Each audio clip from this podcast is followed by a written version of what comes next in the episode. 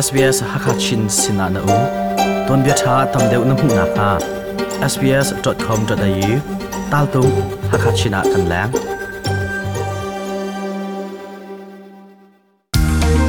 Mirang hol chon nak ni nanun nak a thlen kho SBS Learn English Mirang hol chon nak a Mirang hol long silawin Australia ram min ha anun phung chon chi asilai zebutuk podcast na man mi kip in ngai kho ase SBS นี่มรังหลจนนักอตัวมรังหลชิมเลจนเปียกปาอินออสเตรเลียรมีนาอันก็สักนิงเลอันนี้ชนเบียกนิงซงจนชีอสิไลมรังหลเทียมหนักนี้ออสเตรเลียรมควรนสักนักอาตัมปีอันบอมชันไลอัมหนุงบิกจนนักรักง่ายวีดิงกันโซม Ease into the English language and Australian life with SBS Learn English. Hi, welcome to the SBS Learn English podcast, where we help Australians to speak, understand, and connect. My name is Josipa, and like you, I'm learning the English language. Today, we are learning different ways to say we like or dislike something. We'll also find out how the two most famous Australian desserts, Lamingtons and Pavlova, got their names. But before we get into all that, let me remind you that we have learning notes, quizzes, and transcripts on our website, so you can keep learning after listening.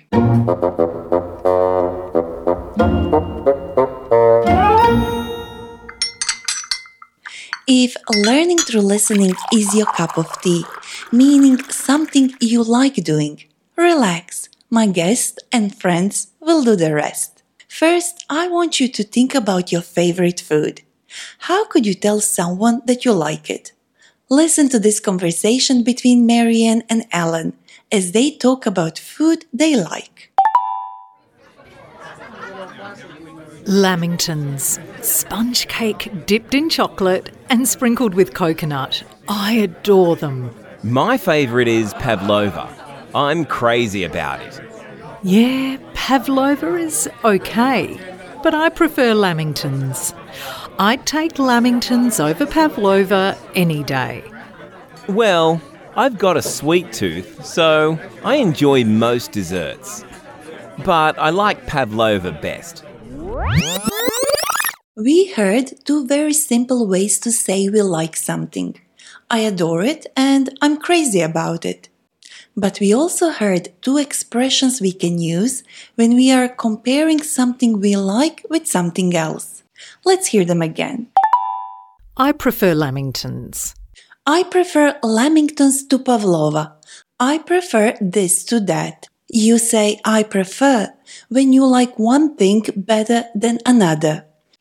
A more casual way to say the same thing is to use the expression we heard. I'd take lamingtons over pavlova any day. This means that you would prefer lamingtons instead of pavlova. You could use this for other things too.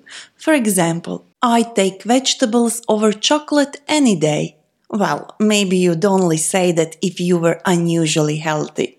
I don't know who could possibly prefer vegetables over chocolate. Then Alan said, I like pavlova best. When you like something best, you like it better than anything else of a similar kind. Notice how we put the word best after the thing we like. We do the same thing when we say that we like something very much or a lot. For example, I love my cat very much, or I like reading a lot. In both examples, the words very much and a lot came after what we like.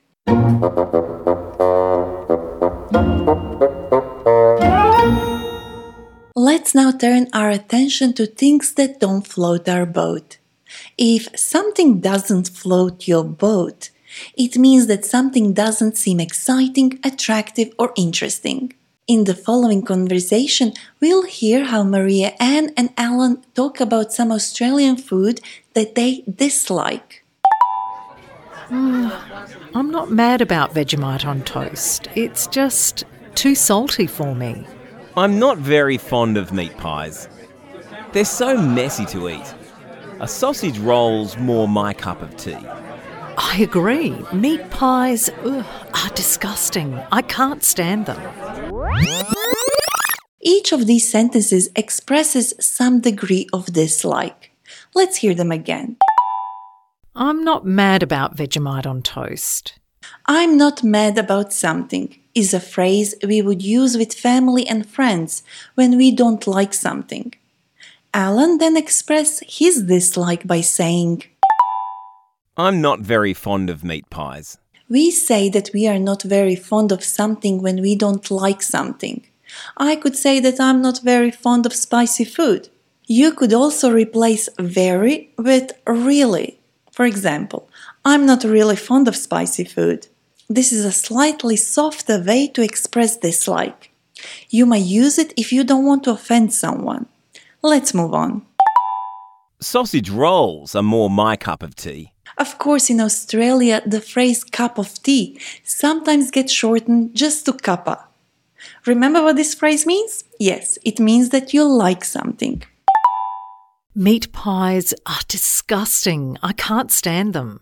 Disgusting is a strong word that you can use if you don't like something so much that it makes you feel bad in your stomach. And it is normally used for food. Another strong way to say you don't like something is to say that you can't stand something. You can use this for food, things, or even people. For example, I can't stand my husband. He talks about himself all the time. well, maybe we should stick to food. If talking about your food is your cuppa, you're gonna love my guest today. Massimiliano is a friend and colleague from SBS Italian, a mastermind behind a very successful podcast called The Ugly Ducklings of Italian Cuisine. Massimiliano, why the ugly ducklings? The Ugly Ducklings of Italian Cuisine is a fresh portrait of Italian food. We talk about ugly looking food that people either detest or are mad about. You don't have to understand Italian to listen to this podcast. No, we have an English and Italian version, and they are both equally popular. People love talking about food, even if it's ugly looking. I know you recently spent a lot of time researching Australian cultural food, and we've just been talking about lamingtons. Can you explain what they are and tell me how they got their name? Lamingtons are considered the national cake of Australia, and they got their name after Lord Lamington, a former governor of Queensland. It was invented in Queensland around 1900 as a way of feeding visitors who arrived unexpectedly. The story goes that a maidservant to Lord Lamington accidentally dropped the governor's favourite sponge cake into some melted chocolate.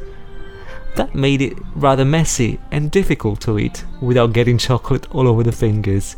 So, Lord Lamington suggested that they dip the cake in coconut to cover the chocolate and make it much easier to eat.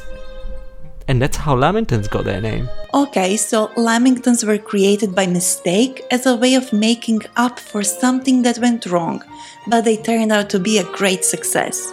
And what about pavlova? Pavlova is another Australian classic dessert. It was made for the Russian ballerina Anna Pavlova when she toured Australia and New Zealand in the 1920s, and it was named after her. It has a meringue base, which is usually topped with whipped cream and fresh fruit. Australia and New Zealand have been arguing for many years now over where the dessert was first served, but it is now a firm favourite in both countries. Interesting, I didn't know that. Thanks for sharing, Massimiliano. Grazie a te. That's thank you in Italian. Grazie, that's awesome. We learned how to say thank you in Italian. But now it's time for us to revisit English expressions we learned in this episode. See if you can answer these questions. When something is your cup of tea, it means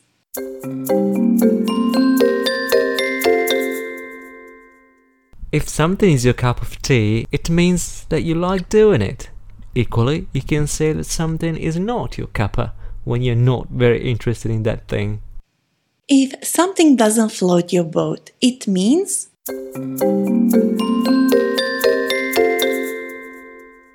If something doesn't float your boat, it means that something doesn't seem exciting, attractive, or interesting. We heard some different ways to express that we like something. Sausage rolls are more my cup of tea. I adore it. I'm crazy about it. I prefer lamingtons. I'd take lamingtons over pavlova any day. I like pavlova best. And we also heard some different ways to express that we dislike something. I'm not mad about something. Hmm, I'm not very fond of something. I can't stand something. Oh, I detest something. What Australian desserts have you tried? Did you adore them or detest them? And I have one fun fact that I would like to share with you. Did you know that desserts is actually stressed, spelled backwards? So next time you feel stressed, just turn it around and eat some desserts. Maybe you'll feel better. And also head to sbs.com.au slash learn English and test your listening and understanding skills with our quiz. There you can also find additional learning notes and transcripts. If you would like to get in touch with us, send us an email learnenglish at sbs.com.au. Thank you for listening. Been listening to an SBS Learn English podcast.